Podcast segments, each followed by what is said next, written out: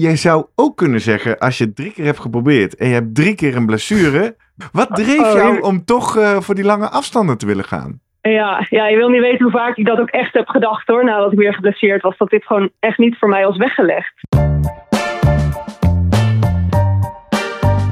Welkom bij de Slimmer Presteren podcast. Jouw wekelijkse kop koffie met wetenschapsjournalist Jurgen van Tevelen en ik, middle-aged man in Lycra, Gerrit Heikoop.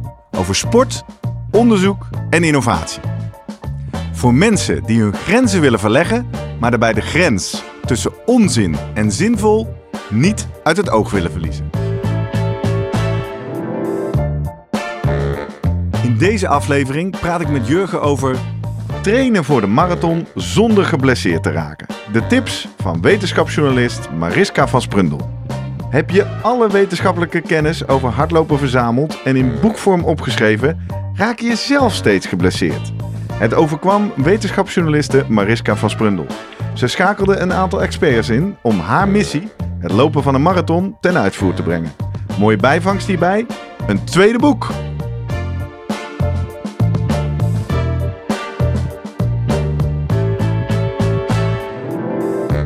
Voordat we beginnen, nog even drie dingen om aan te denken als jij zelf ook slimmer wilt presteren. Nummer 1. Druk nu gelijk even op abonneren, zodat je altijd direct in de gaten hebt wanneer er een nieuwe aflevering online komt. Nummer 2. Weet dat je Jurgen en mij ook kunt boeken voor jouw volgende bijeenkomst als spreker of presentator.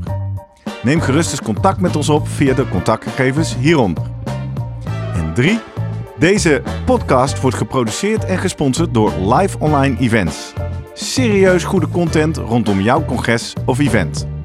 Check www.loe.tv voor meer info. Ja, Jurgen, Ja, goedemorgen. Gerrit. Daar zijn we weer. Ja. Het is eh, vrijdagochtend. Eh, de decembermaand is begonnen, laatste maand van het jaar. Het is eh, donker, koud en eh, we moeten veel cadeaus gaan uitdelen. Nou. Het wordt maar weer eens tijd voor een boekbespreking, hè? Ik heb er hier eentje liggen. Ja. Missie Marathon van eh, Mariska van Sprundel. Ja, En eh, nou... het eh, leuke is, ze is bij ons vanochtend. Hey, toevallig. Ja, Hoi, goedemorgen. een soort Sinterklaas Ja. die binnenkomt lopen. Precies. Nou, welkom. Leuk dat je er bent.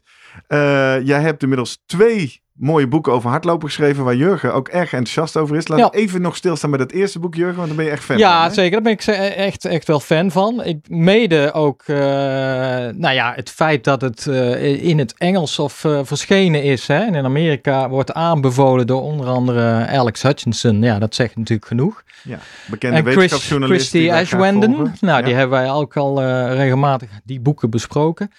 Nee, het, eh, ik denk dat het een eh, mooi eh, Even toch, overzicht... de titel van boek 1, dat is het oude ja. boek. We gaan zo over boek 2 hebben. alles wat je wil weten over hardlopen. In ieder geval heel veel wat je wil weten over hardlopen. En wat wetenschappelijk getest is, uitgezocht is, heb je, ja, is, is netjes opgeschreven en helder opgeschreven door Mariska. Dus Ja. Ja, je kan eh, soms luisteren naar deze podcast. Er komen ook een aantal aspecten in terug. Lees het boek. Het, eh, volgens mij zitten we gelukkig op dezelfde lijn vaak. Ik heb eh, niet dat we elkaar eh, eh, tegenspreken, dus dat is altijd eh, wel goed. Mooi. En maar sowieso interessant dat natuurlijk een wetenschapsjournalist eh, ook begaan is met, eh, met sport, met Ja, hardlopen. In die zin hebben jij en Mariska een beetje hetzelfde profiel. Ja. Boeken schrijven, wetenschap naar de, naar de eh, massa brengen. Ja, Mariska, ik ben wel even benieuwd. Dat eerste boek, gefeliciteerd, groot succes, ook internationaal. Mhm. Maar toen kwam er een tweede boek, Missie Marathon. Wat was voor Ja. jou de aanleiding om dat tweede boek te gaan schrijven? Ehm, ja, blessures. Ik ehm, heb drie keer gepoogd om een marathon te lopen. En ik raakte altijd in de voorbereiding geblesseerd. Soms al in de eerste week en soms ook nou ja, een maand van tevoren. Ja, en ik wilde toch graag een keer die marathon lopen. Ik, nou ja, ik loop al 14 jaar hard. Ik dacht dat ik werd toen de tijd bijna 30 en dat leek me een mooi moment om het een keer eh, te gaan doen. Maar ehm, ja, ik dacht ik geef het gewoon nog één poging, maar dan laat ik me begeleiden Mhm. door experts uit allerlei vakgebieden. Dus eh, ja, ik heb een heel panel van eh, deskundigen om me heen verzameld. En die hebben mij elk op hun eigen gebied ja, voorzien van tips en advies om mij aan die startlijnen te krijgen. Ja, en Die, en die En, reis, die beschrijf je als een, bijna als een soort dagboek aangevuld met kennis eh, in, in het boek Ja. Missie Marathon. Hè? Even Ja, toch klopt. bij het begin, wat voor soort blessures, eh, was dat steeds dezelfde of waar liep je tegenaan? Nee, ik heb altijd op andere plekken blessures. Dus ik zeg altijd maar, gelukkig heb ik niet één zwakke plek, maar zitten ze een beetje verspreid over mijn hele lichaam heen. Dat, nou ja, dat is dan misschien toch nog wat positiefs eraan. Ja. Maar ja, goed, ja, knie, scheen, heup, Ja. ja van alles gehad. Maar, maar snap jij dat nou? Want ik denk, eh, die wetenschap heeft zoveel studies naar eh, blessures gedaan bij het hardlopen. Hardlopen is natuurlijk een risicovolle sport als het om blessures gaat. Heel veel onderzoek gedaan, echt honderden tot duizenden eh, papers over verschenen. Mhm. Ehm, maar echt grip op die blessures, eh, dat heeft de wetenschap dan niet. eh, is ook jouw conclusie, denk ik. Ja, dat het blijft toch een beetje ongrijpbaar. En ja, we weten natuurlijk wel dat je moet herstellen na een training voordat je de volgende prikkel toedient. En er zijn allemaal hele mooie grafieken van te maken met ja, wanneer de belasting hoog is en eh, wanneer je moet herstellen. En goed, als je in je supercompensatie zit, zo noemen ze dat dan, dat je, eh, nou, goed, dat je dan weer moet gaan trainen. Maar ja, waar al die grenzen liggen voor iemand als individu, dat is gewoon heel erg lastig te bepalen. En soms denk ik ook wel, misschien moet je wel gewoon een paar keer geblesseerd raken om voor jou te weten waar dus precies die grens ligt. Dat is Ja. misschien niet een heel erg prettig bericht, maar ja, ik denk dat het toch een kwestie is van dat voor jezelf dus uitzoeken, omdat er geen standaard formule voor is. Wanneer jij dus weer die trainingsprikkel Ja. kan Waar- hebben. Ja, waar lag het bij jou aan, denk je? Of, of ben je nog niet zover om dat te concluderen inmiddels? Jawel, Inmi- ja, inmiddels denk ik dat ik er aardig uit ben. Ehm, ik trainde drie keer in de week en dan vaak toch te hard. Ehm, en Wat bedoel, sinds wat ik bedoel dus je die te hard? Bedoel je te snel Ja, of te intensief. Ja, Oh, precies dat. De de intervals. Ik deed eh, vooral intervals eigenlijk. Intervaltrainingen op de baan. Ehm, ja, en die liep ik dan denk ik toch wel eh, ja, wat met te hoge snelheid. Mhm. Ehm, sinds ik dus die voorbereiding heb gedaan op de marathon met behulp van experts, die, nou ja, ik kreeg een, een persoonlijk trainer en die heeft ten eerste dus een heel ander trainingsschema voor mij opgesteld. En het klinkt een beetje tegenintuïtief, maar ik moest dus vaker gaan lopen. Vier, vijf keer in de week. Ehm, maar dan veel rustiger. Hm. Dus om de belasting eigenlijk te verspreiden over de hele week. En dat heeft echt wonderen gedaan Ja. voor, ja, voor, voor de tijden die ik loop en het gebrek aan blessures eh, tegenwoordig. Ja, dus je moest langzamer gaan lopen en, en vaker ten opzichte van wat je deed. Ik hoor je ook zeggen, ik trainde veel op de baan. Nou heb ik daar zelf Ja. heel weinig ervaring mee, maar ik kan me voorstellen, de hele tijd diezelfde bocht, dat dat ook nog een effect heeft op blessures, of niet? Ja, daar weet ik eigenlijk niet zo heel erg veel van af. Maar ik train nu nog steeds veel op de baan. Maar nu zijn blessures dus bijna geen factor meer. Terwijl, eh, nou ja, ik loop daar nog steeds op. Ja, dus, Dus voor mij lijkt het in ieder geval niet, toch? eh, Als ja, wetenschappers ja, precies. elkaar. Ja. Ja, Maar jouw oude schema, hè, of je oorspronkelijke, dat je zei, nou, ik, eh, ik liep drie keer in de week. Waar had je dat op gebaseerd eigenlijk? Wat, eh, ja, hoe was je daar toe gekomen? nou eigenlijk omdat nadat ik de eerste keer geblesseerd raakte, kwam ik bij een fysio en die zei: Je moet gewoon altijd een rustdag inlassen nadat je een dag hebt getraind. Ja. Dus ja, dan kom je gewoon eigenlijk op drie keer, maximaal vier keer eh, in de week trainen. En dat heb ik ook echt jaren zo aangehouden. Ja, Ehm, ja, dus dan drie keer en dan wel een beetje hard. want Ja, want dan dat eh, was het tweede gevoel dat je wat ingrediënt wat je had. Dat je dacht, nou, interval, daar word ik sneller van. Dus daar ga ik dan maar veel doen. Ja, ja, ik dacht dat dat echt nodig was om, om een betere loper te worden, om snellere tijden te halen. Is dat dan ook een beetje, ja, zoals het, het nou eenmaal is in, in de hardloopwereld? We hebben het ook met, met Gerrit wel eens over gehad. Eh, Schrijf je in voor een, een loop of een marathon. Nou, dan krijg je al gratis een of ander trainingsschema erbij. Hè? Wat natuurlijk. eh, en dan Mhm. eh, met het idee van, nou, volg dit en, eh, eh, en geheid ga je de finish halen. Dat er wel heel veel, nou ja, ideeën en, en, en schema's zijn. Maar Ja. je kan afvragen of iedereen wel net zoveel verstand van heeft. En of het niet te ja, ge- ge- generaliserend vaak is, zo'n schema. Ja, ik denk het wel, omdat voor sommigen is zo'n standaard trainingsschema misschien wel veel te weinig om nog een beetje vooruitgang te boeken. En voor iemand die net begint, ja, is het natuurlijk vaak al te belastend. Dus Mhm. ja, dan zou je een beetje criteria moeten geven. Van als dit jouw, eh, ja, hoe zeg je dat, jouw instapniveau is, dan is het een goed schema voor je. Dat, dat zou misschien al eh, iets meer kunnen helpen. Ja. Niet elk schema is voor elke loper. Hoor ik je zeggen, achterin jouw boek vond ik een bijlage waarin je de verschillende methodes en schema's ook nog eens eh, rustig uitlegt. Ik ben nog even Mhm. benieuwd, voordat we een stukje van jouw missie ook willen horen. En dan met name hoe je daar die blessures voorkwam. Jij zou ook kunnen zeggen, als je het drie keer hebt geprobeerd en je hebt drie keer een blessure, weet je wat? Ja. Ik ga mountainbiken of zwemmen of eh 10 kilometer zou ik het bij. Wat dreef Oh, jou om toch eh, voor die lange afstanden te willen gaan? Ja, ja, je wil niet weten hoe vaak ik dat ook echt heb gedacht hoor. Nadat ik weer geblesseerd was, dat dit gewoon echt niet voor mij was weggelegd. Ja, Ja. Maar ja, dan ga je weer toch weer opbouwen. En dan merk je toch dat het weer even wat beter gaat. En hoe leuk het is, hoeveel geluk je ervan hebt. Nou ja, goed. En dan ben je weer een paar maanden lekker op weg. En dan komt toch weer een prestatiedoel in zicht. En dan ga je er toch weer voor. Tenminste, zo werkte dat altijd bij mij. Ja. Ehm, ja, dan heb je weer een leuke halve gelopen. En dan gaat het toch weer kriebelen om toch maar weer de marathon te proberen. Dat, ja, dat was een cyclus die zich eigenlijk steeds eh, herhaalde. En ben je niet stik jaloers op die mensen die ogenschijnlijk ja, nooit geblesseerd raken en eh, met eh, nou eh, ja, wel wat voorbereiding, maar lang niet zo gedegen als jij bijvoorbeeld hebt gedaan. Gewoon een marathon eh, eh, lopen. Ja, dat is super oneerlijk. Ja, Ik ken wel van die mensen die gewoon, nou ja, beginnen met hardlopen en gewoon binnen vier maanden een super goede halve marathon lopen. Zonder wat Ja. voor klachtjes dan ook. Dat, eh, ja, wat dat betreft is het wel een beetje oneerlijk eh, verdeeld. En wat zij dan doen om, om die klachten weg te houden, dat. eh, ja, daar hoor je ze niet over. da- Daar wilde Ja. ik net vragen. Ben je ergens erachter gekomen? Want ik, ik verplaats me even een luisteraar. En ik denk natuurlijk, ja, elke luisteraar wil blessures voorkomen. Eh, dat is ook de sticker op jouw boek, hè? Hardlopen zonder geblesseerd te raken. ja. Hoe, ah, ik ben aan het zoeken, hoe herken je nou in welk bakje je valt? Hè? Of je gewoon eh, maar lekker moet gaan als een jonge hond, of dat je inderdaad voorzichtig moet zijn. Laat ik zo zeggen, geblesseerd of niet klinkt als een soort 1 of 0. Mhm. Maar hoe herken je nou waar je zit in dat grijze gebied? Is er een grijs gebied? Dat je ergens tussen een blessure eh, ja, eh, hè, en dat geen zegt, blessure in zit. dit, ja, je, dit is het stoplicht oranje. Ik moet terug. dat je een paar pijntjes hebt of zo. Ja, Ja, nou ja, dat is denk ik voor iedere loper eh, op zich een hele zoektocht. Want ik ben wel van mening dat je met een paar kleine pijntjes niet meteen hoeft te stoppen eh, met trainen. Want ik heb zelf nu nog steeds een paar pijntjes die ik gewoon altijd heb. Mhm. Maar ze belemmeren me nooit in mijn training. En vroeger, zeg nou ja, een jaar of vijf geleden, was zo'n pijntje voor mij wel reden om even te stoppen met trainen en gas terug te nemen. Waardoor je toch weer minder belastbaar wordt, Ja. omdat je minder doet. En nou ja, dan denk je, nou, pijntje is een beetje weg, ik ga ineens weer voluit. Ja, en dan kan het snel een wat ergere blessure worden, eh, Ja. denk ik. Ja. Maar gewoon als je kleine pijntjes hebt en je kan meer gaan trainen, harder gaan trainen, zonder dat die pijntjes erger worden.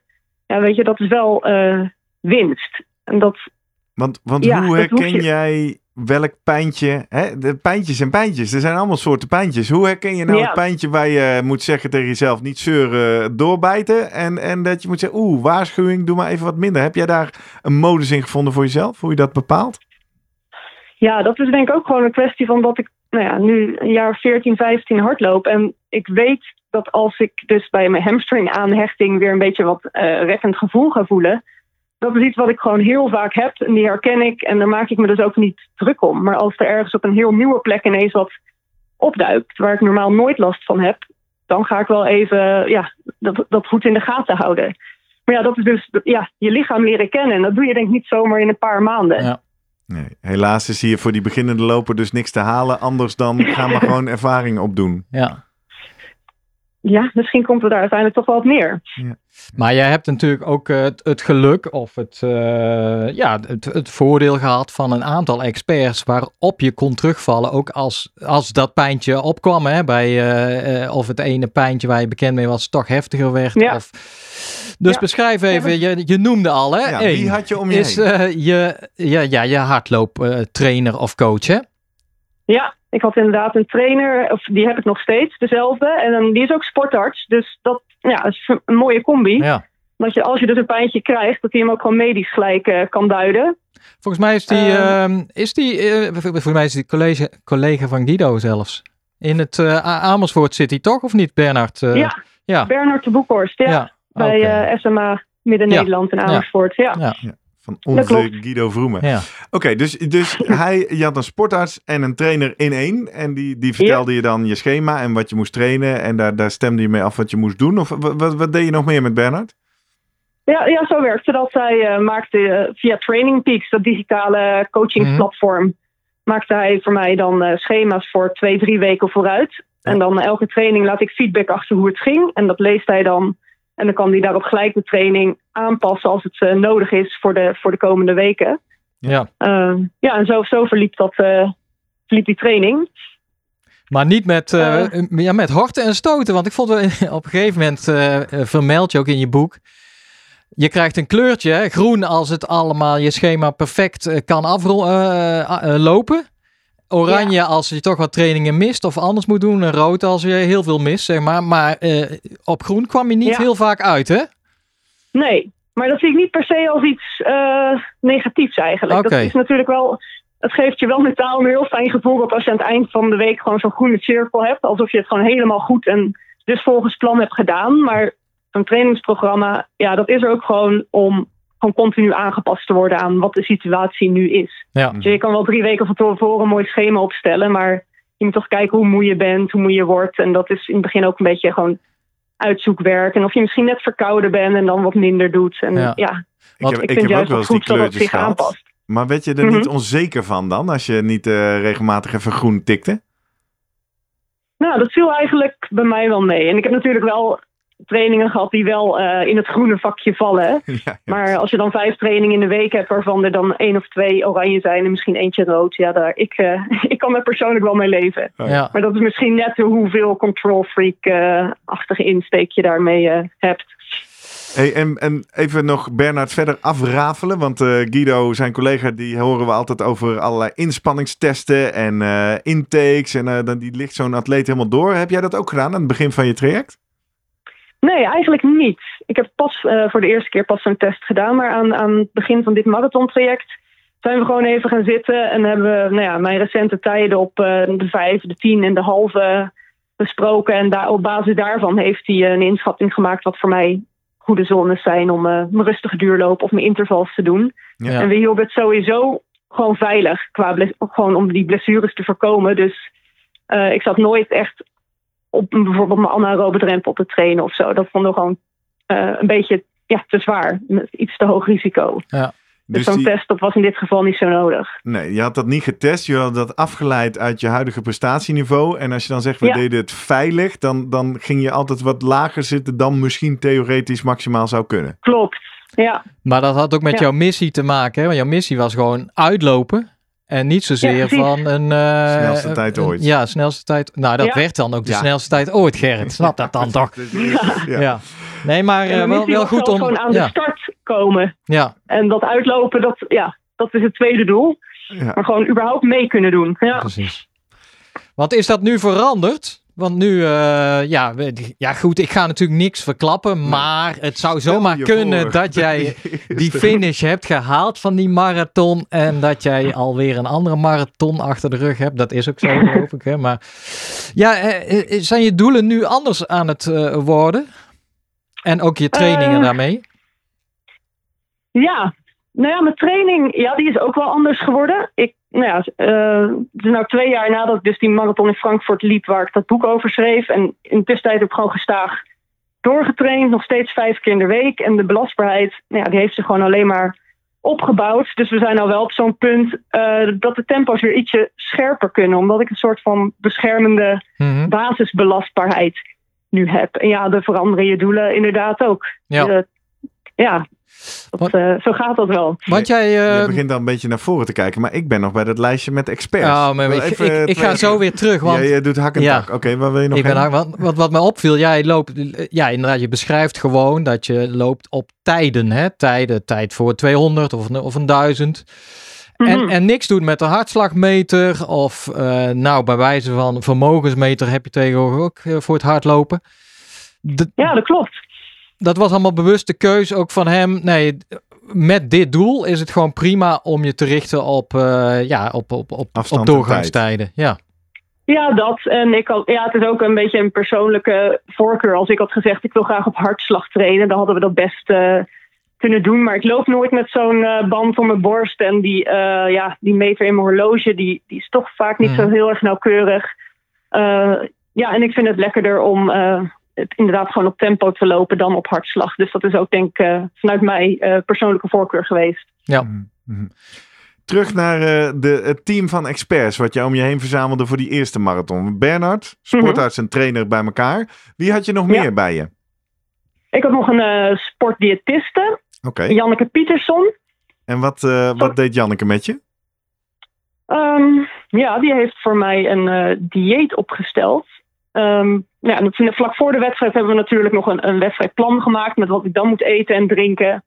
Ehm, maar we hebben ook, denk een maand of twee, drie van tevoren, eh, ja, ben ik bij haar geweest. Dat heeft ze me gemeten en gekeken wat ik eet en zo. Ehm, ja, en toen heeft ze me eigenlijk op een 3000 calorieën per dag dieet gezet met als doel om ja, toch even 1 of 2 kilo aan te komen omdat ze dacht dat dat eh, nou ja, met iets meer reserve, dat ik ook wat beter zou herstellen. En ook daarmee de kans op eh, blessures ja, misschien een tikje kleiner zou Dat, worden. ja, dat, dat is natuurlijk heel opvallend. Dat mensen denken, hè? Aankomen juist. Je moet toch afvallen Ja. voor een marathon. Kijk eens naar al die toppers. Naar die Kenianen en die Ethiopiërs. Die zijn zo licht als wat. Licht als een veertje. Maar Ja. bij- in jouw geval moest je echt... eh daar moest een kilootje of twee bij. Ja, ja, ik ben ook vrij licht als een veertje. Maar ja, er is natuurlijk ook wel een grens tussen wat eh, ja, licht is en misschien net wat te. Er moest, er moest wat Ehm. vet om te verbranden zijn. Hoe, hoe, hoe, hoe doe je dat? Wat, wat krijg je dan erbij als je een paar kilo moet aankomen? Ik heb wel ideeën, maar hoe, hoe, hoe schrijf, wat schrijft Ja, een sportdiëtist dan voor? Ja, eh, het waren vooral de tussendoortjes eh, die eh, groot werden. Ja. Dus ja, ik had gewoon een ontbijt, een lunch en een avondmaaltijd. Ja, en als, als ik als tussendoortje soms gewoon twee boterhammen met ei en nog een stuk fruit of zo. En dat eet je dan tussen je lunch en je avondeten in. En dan sowieso elke dag voordat ik ging slapen nog een, bar, nog een bak kwark met, met fruit of zo. Oh jee. En dat, dan, gewicht, ja, dat gewicht heb je inmiddels nog steeds, zeg maar? Of is het dan ook Ja. dat je als je... Oké, ja. Nee, dat is aardig stabiel. Dat, eh, Want, ja, ik weet niet of dat echt een verschil heeft gemaakt, maar het, ja, het, eh, ik denk het wel. Ja, nee, tuurlijk. Ja. Als, je, als je het haalt, dan, eh, dan eh, ja. Ja, als je dan wint heb je gelijk. Maar de, eigenlijk heb jij ook nog contact met haar inderdaad? Of, of zit je nu gewoon, ja, je bent zo constant, steady, je weet wat je moet eten en... eh, Ja, ik heb eigenlijk geen contact meer met haar. Ik bedoel, dat dieet, dat weet je wel, dat eh, heeft ze gewoon op een, eh, op een A4'tje uitgeprint. Dus dat heb ik nog steeds. En als ik dan weer voor een marathon ga trainen, dan pak ik dat er wel weer eh, even bij. En dat Mhm. wedstrijdplan, dat beviel vorige keer, dus dat gebruik ik nu ook gewoon nog steeds. Kun je daar iets meer over vertellen? Want ik heb persoonlijk bijvoorbeeld heel veel moeite met dat eten onderweg. Ik kan Ja. het plan wel maken, maar ik krijg het er uiteindelijk gewoon onderweg niet in. Eh, Ja. Hoe zag jouw plan eruit en, en lukte dat om dat allemaal naar binnen te krijgen? Eh, ja, het lukte wel. Ik, eh, de eerste keer, mijn eerste marathon, dus die van Frankfurt, daar eh, ja, alles met jelletjes. Ja. Maar wel pas vanaf 10 kilometer beginnen, omdat je toch best Ja. een uur kan hardlopen zonder dat je al koolhydraten toevoer nodig hebt. En als je een beetje gevoelig voor bent dat je er misselijk van wordt, dan, ja, voor mij was het dus pas bij 10 kilometer de eerste gel een, ja, een, een goed idee. Mhm. En vanaf toen om de 5 à 6 kilometer weer een gelletje. Ja. En eh, ja, tot aan de 35. En eh, daar ging de laatste erin. En dan is het nog 7 kilometer. eh. ja. En Tot de welke, finish en dan- welke gebruikte jij? Groot, klein? eh, van die jelletjes. ja? Ehm, ja, ik gebruik die jelletjes eh, van, van CIS. En daar zit eh, volgens mij 200, nee, twee- 22 gram koolhydraten in. Ja. En je hoeft er geen water bij te gebruiken. Nee, het is vrij verdund, vloeibaar. Ja. Dat, eh, ja. En, en dan... En ik heb ook wel van die snoepjes trouwens gebruikt. Weet je wel, van die eh, gelatine, van die shots. Maar die bevielen iets minder goed. Omdat kauwen toch nog wel een beetje een dingetje blijft als je hartslag eh, hoog is. Dat Ja. Eh, krijg je minder goed weg. Maar je had dit, eh, want daar hebben we het ooit wel over gehad, Gerrit. Als ik, als ik jou hoor dat je zo moeilijk vindt, training the gut. Dat is het, hè? Zeker. Dus je moet Ja, gewoon dat was mijn grootste les ook weer van in eh, je Rotterdam. training dit oefenen. Eh, Ja. Dat deed jij Ja. ook toch, Mariska, denk ik? Ja, ik heb in mijn voorbereiding heb ik ook gels genomen inderdaad. Alleen, ja, weet je, als je een trainer bent en een rustige duur loopt... dan krijg je dat allemaal nog best wel makkelijk weg. Ja. En als je dan ineens bijna een minuut sneller loopt per kilometer... dan, ja, dan eh, wordt het toch wel een iets grotere uitdaging... om dat eh, zonder ja, darmklachten weg te, krijgen. Ja. Ja. ja. Dus we hadden Bernard, we hadden Janneke als sportdiëtist. Wie zat er nog meer in je team van experts? Um, ik had nog uh, Ronald Derksen, de hardloopfysiotherapeut. Oké. Okay. Die kende ik, uh, nou goed, ook al eerder, omdat ik wel eens met uh, vlagjes bij hem ben geweest. En ja, ik kwam denk ik om de één keer in de maand gewoon even langs voor, voor een check-up. En dan vooral om te kijken of mijn bekken nog recht stond. Want dat, ik heb vaak een, ja, dat, die, dat die twee helften een beetje schuiven ten opzichte van elkaar. Waardoor je dus scheef staat in je bekken. En het is niet helemaal duidelijk of daar nou mijn klachten vandaan komen of niet. Maar het gaf me ook voor de gemoedsrust een, een goed gevoel dat dat dus wel weer even recht staat. Ja. Dus uh, daar, ja, dat was eigenlijk voornamelijk uh, En dan zijn rol. uh, gelijk ook massage, of niet? Nee, ik heb geen massages gedaan hoor. Nee, Nee? wel wat oefeningen ook meegekregen om nou ja, goed, die stabiliteit van je bekken een beetje te trainen. Maar geen massage. Wel een uh, hardloopanalyse, uh, las ik. Klopt hè? Oh ja, klopt. Ja. Ja, En uh, daar, waar, ja, begonnen. daar was Ja. ik wel een beetje verbaasd over, want we hebben laatst uh, onze uitzending over hardloopschoenen. Waren we toch Ja. heel erg kritisch op, in ieder geval die loopanalyses die je in de, in de hardloopschoenwinkel winkel deden. krijgt. Ja, dit, dit is een stuk serieuzer, dat zag ik ook wel. eh. Waar, waarvoor deed je die eigenlijk precies, die analyse? En, eh, Ja, nou ja, dit had niks met mijn schoenen te maken hoor. Maar nou ja, dat, je hebt er gewoon eh, sensors op je lijf. En dan eh, ja, de, de- ga, je, ga je lopen op zo'n loopband. En dan zie je in real time voor je hoe die eh, sensors op je lijf bewegen. En eh, ja, mijn data die werd dan afgezet tegen een, een, een, eh, ja, alle data uit een database van allerlei andere hardlopers. Die dus Mhm. lopen Ja. zonder blessures. En dan ja, dan kan je dus zien waarop mijn loopstijl afwijkt van dus, nou ja, de loopstijl waarbij heel veel mensen geen blessures hebben. En dat is natuurlijk, ja, het is ook weer niet zo zwart-wit dat dat, waar, waar op de punten waar ik op, op afwijk, dat daar dus iets mis is. Ja. Eh, ja, maar goed, ja, daar ben ik wel benieuwd naar. Wat, wat, wat kwam er uit de analyse? Wat nam je daaruit mee? Ja, nou ja, daarbij zag je dus eh, dat mijn heupen of mijn bekken dus eh, een beetje scheef staat. En ook dat ik wel met een iets eh hollere rug, zeg maar, mocht rennen. Dus iets meer ontspanning in mijn onderrug. Mhm. Ik ja, liep een beetje te veel, denk ik, met mijn romp boven mijn bekken. Terwijl die, nou ja, mocht gewoon ietsje meer kromming in zitten.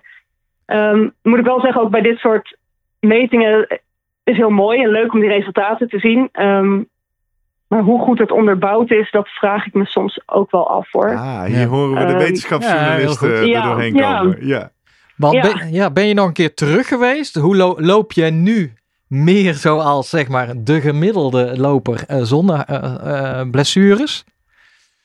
Eh, ik ben niet meer terug geweest, maar ik heb wel altijd nog het idee om dat een keer te doen. Omdat Mhm. ik dus nu inderdaad zo goed loop en mijn snelheid is zo vooruit gegaan, geen blessures meer, of er een verschil te zien is. Daar ben ik gewoon uit nieuwsgierigheid eigenlijk heel erg eh, benieuwd naar. Ja. Maar daar heb ik nu dus eigenlijk geen idee van. Nee, snap Ja. ik. Zetten Ja. we op de to-do-lijst. Komen we dan nog even bij je Ja. inchecken Ja. hoe, dat, hoe dat gebeurd is.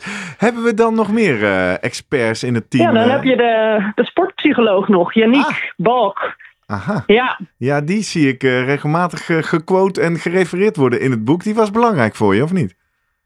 Ja, toch wel. Omdat, ja, het is me ook niet helemaal zo in de koude kleren gaan zitten dat het drie keer niet gelukt is. Dat gaat toch wel een beetje met onzekerheid en eh, ja, gebrek aan zelfvertrouwen gepaard. Van ja, kan ik wel hardlopen? Weet je wel, ben ik hier wel voor gemaakt? En nu ga ik het weer proberen. Ik was ook wel een beetje zenuwachtig wat anderen in mijn omgeving dan zouden gaan zeggen. Van ja, weet je wel, waarom ga je dit nu weer doen? Mhm. Ehm, dus ik heb het ook heel lang niet verteld aan al mijn loopmaatjes.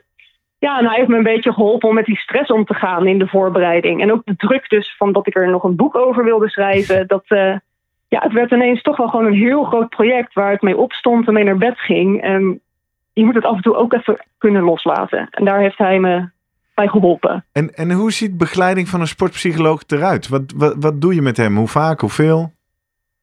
Nou ja, we hebben twee keer een gesprek gehad. En hij heeft me ook gewoon eh, ja, ontspanningsoefeningen meegegeven. Maar ook ehm, ja, een formulier wat ik moest invullen. Weet je wel, met welke gedachten heb je? Waarom heb je die? eh lost dat wat op? Hij zei gewoon om dat soort dingen al op te schrijven. eh, weet je wel, dat helpt je al om ja, ermee om te gaan en het even van je af te zetten. Dus dat soort oefeningen ja, liet hij me doen.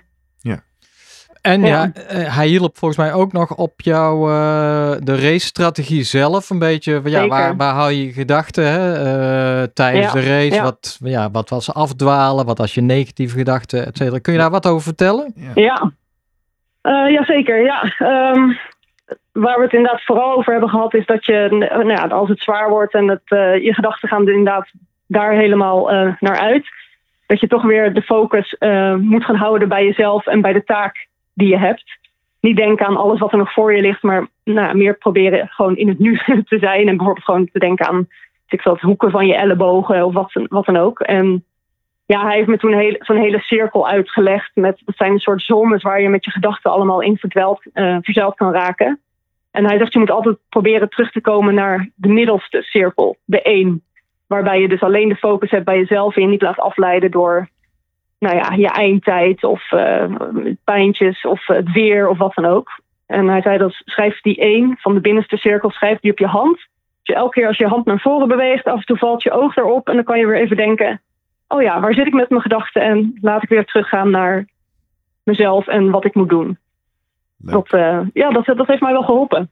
Ik merk ook, en deze laat ik dus ook liggen, want ik merk, ik wil weten hoe zien die cirkels er dan ook uit. Maar ik denk, nee, ga ik je ook niet vragen. Dan moeten mensen dan maar in je boek gaan lezen. natuurlijk, hè? Dat, eh, anders is Ja. alles eh, verklapt. Maar het is wel, eh, want het, ja, nou ja, je beschrijft het al, een hoop onzekerheid en vragen, et cetera. Dus ehm, vond ik wel in- interessant als wetenschapsjournalist die ik ook ben. Hè?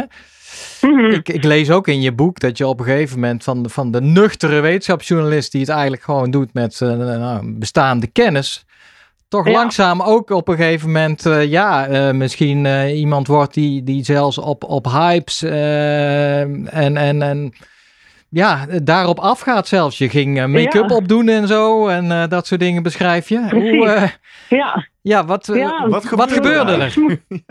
nou precies. Ja, ik noem het meer, denk ik, eh, rituelen of zo. Ja, oké. Dus, ja, ik heb niet inderdaad allemaal van die nou ja, herstelstrategieën, rare hulpmiddelen gebruikt en zo. Maar ja, ik las dan wat andere atleten deden in hun voorbereiding. En dat gaf me ook een, een, ja, een goed gevoel om de dag voor zo'n race gewoon je daarop voor te bereiden. En gewoon bezig te zijn met, ik heb dus mijn nagels laten doen, omdat Suzanne Crummins dat ook altijd doet voor een race. Dat, nou, dat vind ik wel wat hebben. Dat Ja. ga ik ook doen. Ja, Eh, en inderdaad, eh, ze zei als je mooi eh, aan de start staat, dan, dan voelt zij zich sterk. denk ik, nou, dat, dat ga ik ook proberen. Dus ik heb inderdaad mijn mascara weer onder het stof vandaan gehaald. En ja, dat, dat soort dingetjes, ja, die slopen er wel in. En daar stond ik zelf ook al van te kijken. Hoe, ja, hoe je dat mentaal toch best wel kan helpen. zonder te oefenen. Want ik denk, ja, ik hoor altijd, ik lees altijd, je Geen moet alles oefenen. experimenten. Stel dat je geen experimenten, stel die mascara gaat uitlopen of eh, kriebelen of weet ik veel. Dus ik, ja, ik vond het best wel risicovol. eh. Geen moment bij stilgestaan. Oké, nou. En bij deze dus ook de tip voor alle luisterende dames. eh, die mascara, die liep niet jouw ogen in en eh, heeft Nee, je niet... eh, Niet gebeurd, nee. Volgens mij hebben we nu aardig gehoord. Denk, nee, even checken. Missen we nog een expert? Nee, hè? volgens mij zei je al, Janiek was de laatste in het rijtje. Hè? Ja. Ja, Dus in jouw boek, superleuk. Het leest als een dagboek. We zitten echt bij jou, eh, nou ja, in je hoofd bijna. eh, op die reis naar de marathon toe. eh, kan ik iedereen aanraden. Maar ja, dat was in 2019, hè, zeg ik goed. Mhm. Inmiddels heb je ook dit jaar een marathon gelopen in Berlijn. Dus ik ben nu wel benieuwd. In het boek beschrijf je, hè, geef je alles aan. Alle experts, Ja. alle tips, alles wat goed is. Wat is daar nu van overgebleven? Wat zijn dingen waarvan je zegt, ja, maar dit is echt blijvend. En andere dingen Ja. waarvan je denkt, wow, interessant, maar hoeft niet. Hè? Die grens tussen zinvol en onzin Mhm. die wij zoeken.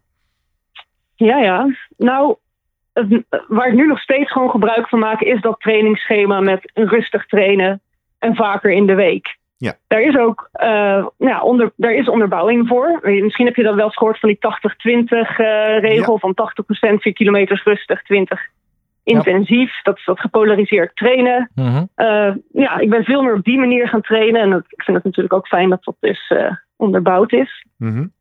Al is het maar alleen door mijn eigen ervaring nu, maar ook door de wetenschap. En dat is denk ik wel het belangrijkste aspect uit de hele voorbereiding die ik dus mee heb genomen in uh, mijn verdere Meer trainings. Rustig. Dat is het. Ja. Ja. Ja. ja. Dat doe ik nog steeds. Lopen rustiger dan uh, mensen die uh, minder snel zijn dan ik op de 10 kilometer bijvoorbeeld. als we dan samen intervallen, lopen zij harder dan ik. Ja. Dat, uh, ja, dat werkt gewoon. En je loopt dus ook nog steeds uh, zo vaak, zeg je. Daar ben ik wel even persoonlijk benieuwd naar. Vijf keer in de week trainen. Hoe uh, puzzel jij dat in je week? Kan je dat eens beschrijven? Ja, ja, weet je, ik ben freelancer. Ik werk veel vanuit huis. Ik kan mijn eigen uren indelen. Dus ik ga heel vaak rond lunchtijd uh, lopen. Ah, ja. Ah, ja. Dat, uh, ja, ik kan daar gelukkig uh, tijd voor maken. Ja. Um, ja, en twee keer in het weekend en dan drie keer door de week. Ja. Ja, ik weet niet. Bij mij is dat gelukkig nooit een probleem. En is dat dan net voor of na de Ik bedoel, is dat 11 uur weg of 1 uur weg? Hoe moet ik dat zien? Ja, zo net voor de lunch lopen, zo half twaalf, dat is mijn ideale tijdstip. En dan gewoon lekker daarna uh, gelijk aan kunnen vallen op je lunch. En dan heb je dus ook geen last van je ontbijt, want dat is dan nou ja, al twee, drie uur verteerd. Dat vind ik echt het ideale tijdstip. En dat zijn dan die trainingen, omdat het er zoveel zijn, worden ze wat Dat is dan een uur of zo, ga je dan een pad? Ja, soms minder hoor. Ik heb uh, ook twee trainingen in de week. Nou, die zijn drie kwartier of vijftig minuten of zo. Ah ja. Dus ook, weet je, als je bijna elke dag traint, moet je ook gewoon de volgende dag weer hersteld zijn. Dus Mhm. trainingen die kunnen ook niet heel erg intensief zijn. Nee. Uh, en ook niet altijd lang. Goed te horen van, uh, dat je nog zo fanatiek uh, lekker loopt. Ehm, kom ik toch terug op natuurlijk die, die sticker, hardlopen zonder geblesseerd te raken. Ja. Hoe staat het daarmee? Ja, heel goed. Ik denk, uh, ja, ik heb in ieder geval sinds een jaar geen blessures meer gehad.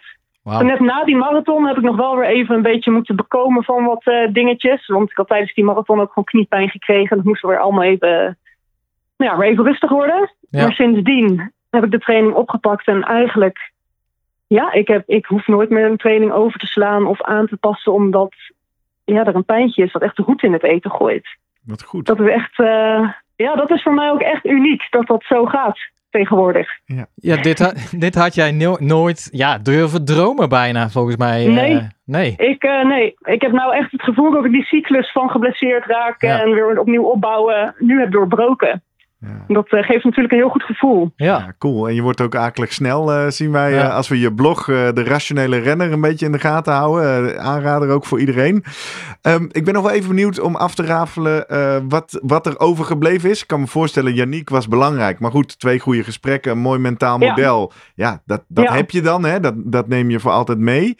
Maar bijvoorbeeld Ja. die begeleiding van een Bernard. Train je nu nog steeds zo intensief met, uh, met een trainer die je trainingen voorschrijft?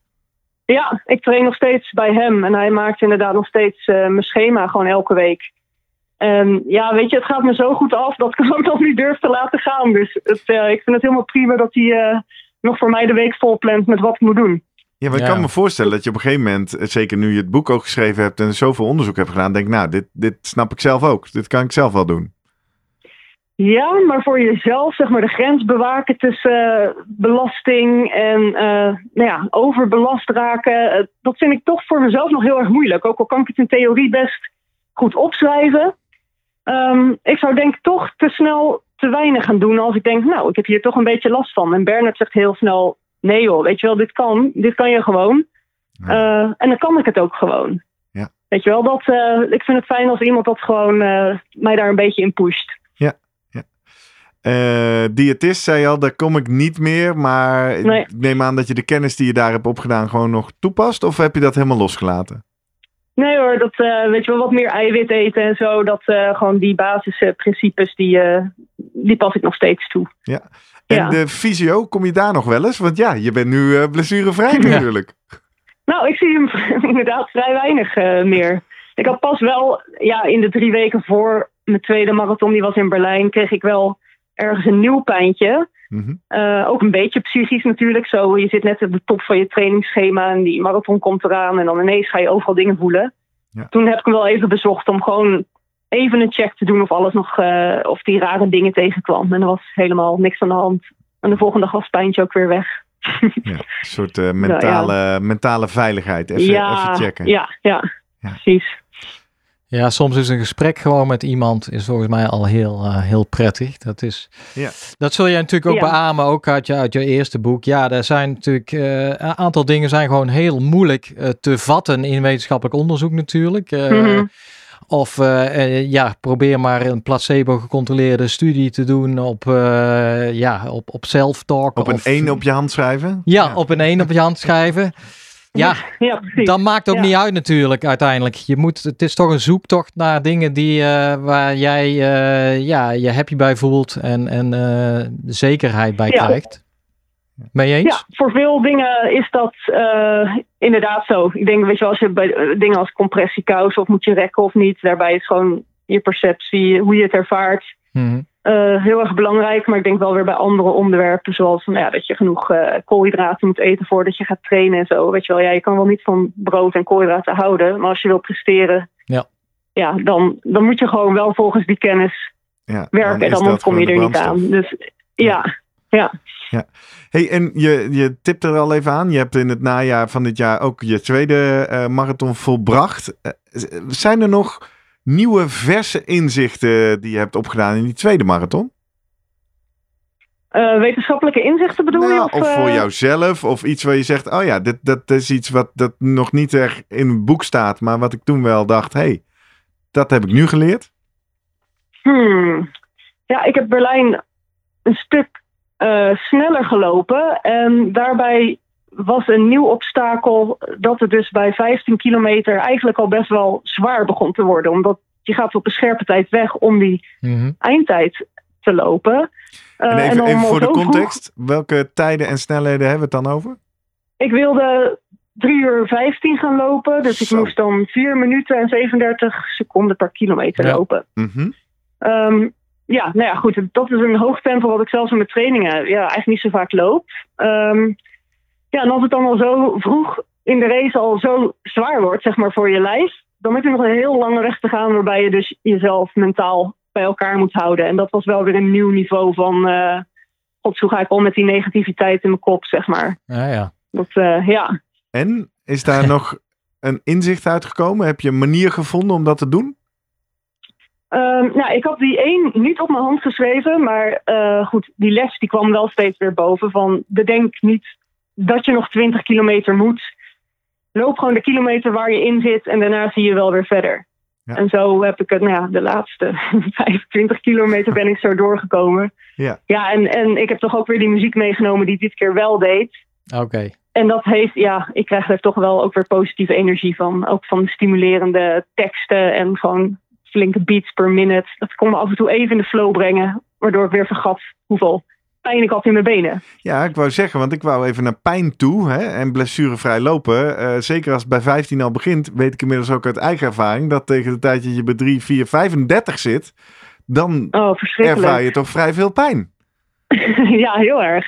Ja, Nooit. maar goed, ik ben er niet minder hard om gaan lopen, omdat ik wel wist dat het gewoon de marathonpijn was die erbij hoort. Weet je, het was niet dat er één knie ineens scherpe steken begon te geven of, of wat dan ook. Weet je, wel, dat je denkt, ik ben nu echt een blessure aan het lopen. Het was gewoon vermoeidheid die steeds erger werd. En daarvan weet je, ja, je bent vier dagen stijf daarna en daarna is het gewoon weer weg. Ja, ja, ja. Ja. Mooi.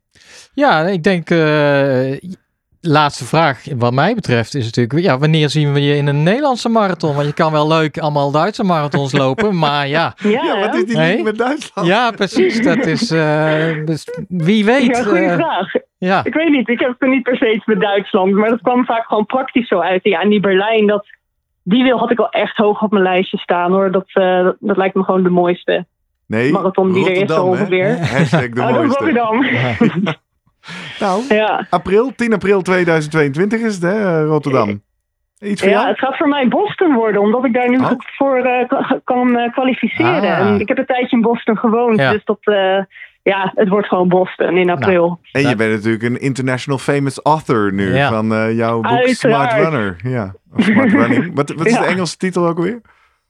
Eh, running Smart. Oh, dat was het. Ik wou Ja. zeggen, laat ik Oké. het even goed eh, in, de, in de uitzending krijgen. Ja. Leuk, Ja. Mooi. Mariska, is er dan nog iets wat aspirerende marathonlopers van jou moeten weten? Of heb je je belangrijkste tips kunnen delen met ons? Oh, wat ze van mij moeten weten. Ja, ik kan nog heel veel vertellen over wetenschap en zo, maar mm, ik denk dat ik de belangrijkste tips die ik heb gebruikt in mijn voorbereiding, dat we die wel, uh, wel hebben besproken zo. Ja, volgens mij ook. En anders moeten ze dat boek maar eens gaan lezen. Ja. Of de boeken Nou ja. natuurlijk. Op het Ja. eh, Sinterklaas of eh, kerstverlanglijstje. Ja. En dan eh, goede voornemens maken. En dan eh, of Boston of Rotterdam. Of eh, wat hebben we nog meer voor mooie marathons in het voorjaar. Lekker met elkaar daar naartoe gaan trainen, denk ik. Eh, lijkt me een mooi Ja. voornemen. Ja, ik eh, sluit me daarbij aan. Leuk. Laatste, laatste vraag die we altijd eh, aan onze speciale gasten vragen is: mochten er nou heel veel reacties binnenkomen, eh, mogen we Mhm. die dan aan je doorsturen? En als er zoveel zijn, je eventueel nog een keer terugvragen voor een eh, vervolg? Tuurlijk. Ja, Ja, leuk superleuk. zelfs. Ja. Ja, leuk. Nou, dan ga ik eens even uitleggen aan onze luisteraars hoe ze kunnen reageren. Kan namelijk op een aantal manieren. Op social media zijn we de @slimmerpodcast, zowel op Twitter als op Instagram. Dan maken we van iedere aflevering een eh, post die je dan kan retweeten of delen en waar je natuurlijk ook op kan reageren. Je kan ons op die kanalen natuurlijk ook een DM'tje sturen. Of je kan naar onze website www.slimmerpodcast.nl. Dan vind je van iedere aflevering een pagina waar ook een reactiemogelijkheid onder staat. Dus daar kun je ons ook bereiken. Of als je zegt, nou, ik ben wat meer eh, achter de schermen, dan kun je ons ook een e-mail sturen via post.slimmerpodcast.nl. En ook als je specifieke vragen hebt eh, aan Mariska, dan eh, sturen we die, die natuurlijk graag door. Daarmee eh, zijn we er eh, voor vandaag. Dankjewel eh, Mariska, fijn dat je bij ons te gast wilde zijn. Dankjewel. Ja. Mariska. Leuk om er te zijn. En eh, veel succes met je trainen naar de Marathon van Boston. Eh, het volgende boek en alle leuke artikelen op jouw blog, De Rationele Renner. We gaan je volgen.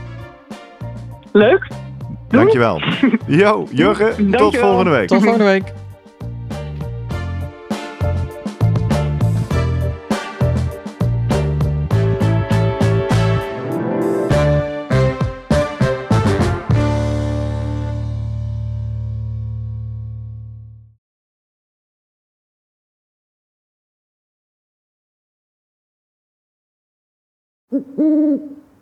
Hey. Voordat je weggaat, denk er nog even aan. uilentorenloop.nl. Dan zien we je de eerste zaterdag van juni. Tot dan!